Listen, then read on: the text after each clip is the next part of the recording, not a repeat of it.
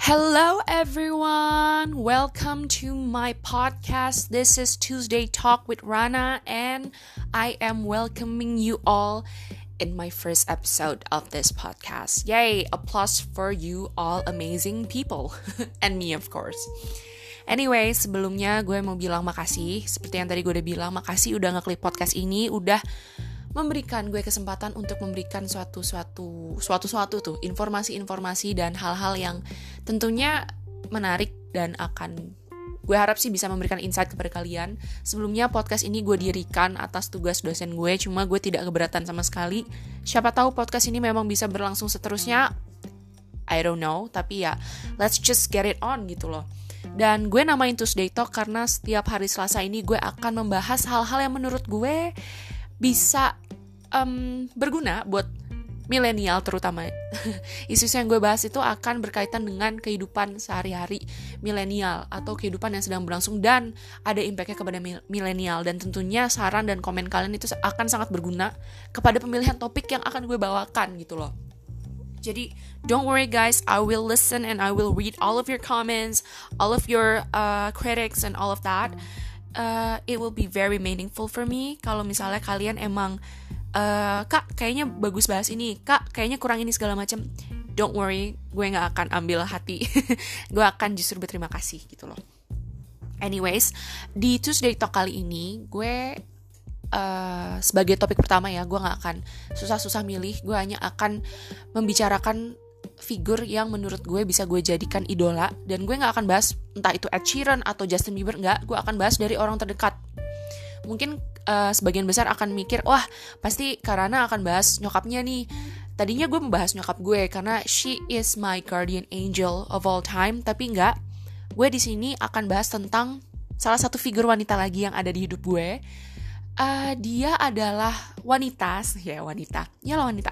Wanita yang lulusan Universitas Indonesia jurusan sastra Inggris angkatan 2013 maaf. 2013 dan saat ini dia adalah uh, asisten editor di uh, salah satu production house di Indonesia uh, Mondi Blank. Kalian bisa cek Instagram dan YouTube-nya. Mereka sering banget nge-produce film-film pendek dan kebetulan uh, wanita ini kerja di sana sebagai editor asistennya. Jadi kayak gue sering banget sih ngeliat dia nge-edit-edit segala macam gak tidur gitu.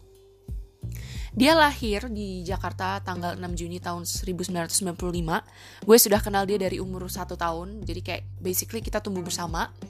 Dan kenapa gue pilih dia? Oh tunggu, gue kan belum nge-introduce namanya ya.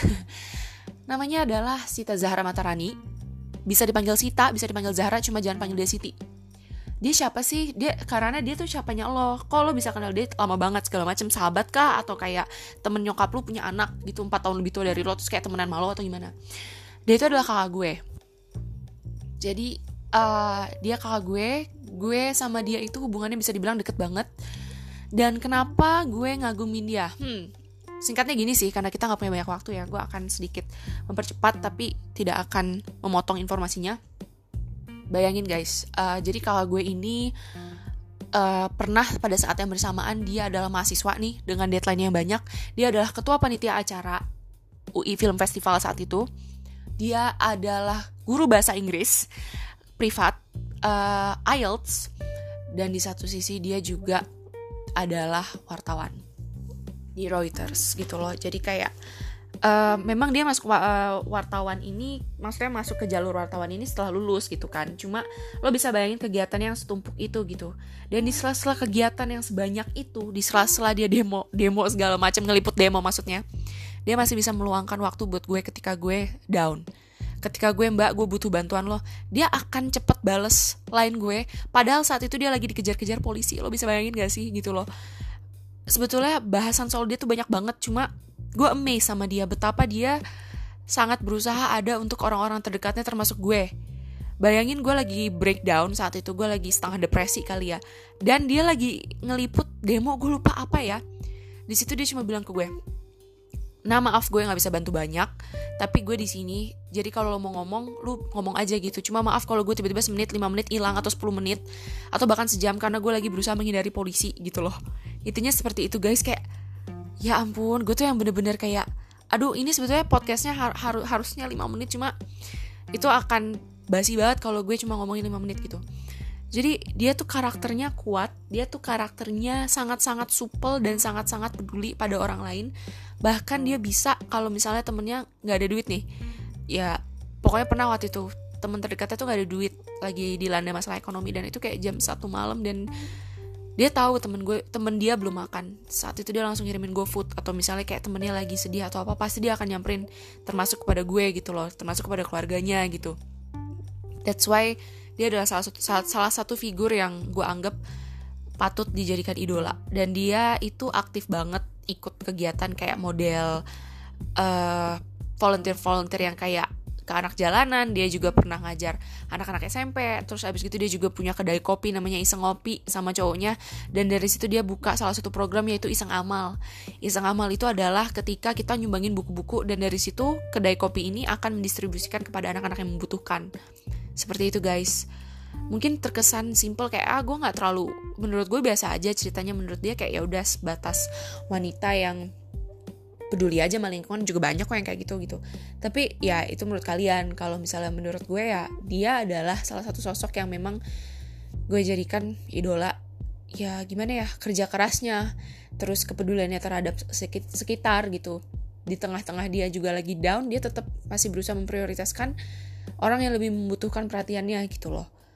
Jadi kayak itu sih kenapa gue milih dia sebagai orang yang gue idolakan. Dan walaupun gue sama dia pernah berantem hebat dan itu pun karena cowoknya tapi ya udahlah. Tapi alhamdulillah hubungan gue sama dia sampai sekarang masih baik-baik aja. Dia juga masih sering banget ngebantu gue tiap hari kalau gue lagi bingung terhadap kehidupan kuliah gue terhadap kehidupan personal gue dia akan ada. Dan ya itu sih intinya. Get to know me dulu kali ya dengan gue menceritakan siapa sih idola sesungguhnya yang gue idolakan dan gue ceritakan di Tuesday Talk kali ini. Uh, tentunya ke depannya gue nggak akan bahas banyak soal keluarga gue karena gue ingin banget menyajikan informasi-informasi yang berguna kepada kalian semua dan gak basi. Jadi please do subscribe please do follow my podcast and then leave a comment or like DM me message me. Uh, just let me know the topics that you guys want me to talk about with you guys and I will be happy to make it true. Oke, okay, uh, sampai ketemu di podcast episode selanjutnya. Terima kasih udah dengerin, terima kasih udah nge-follow, and I will see you guys later.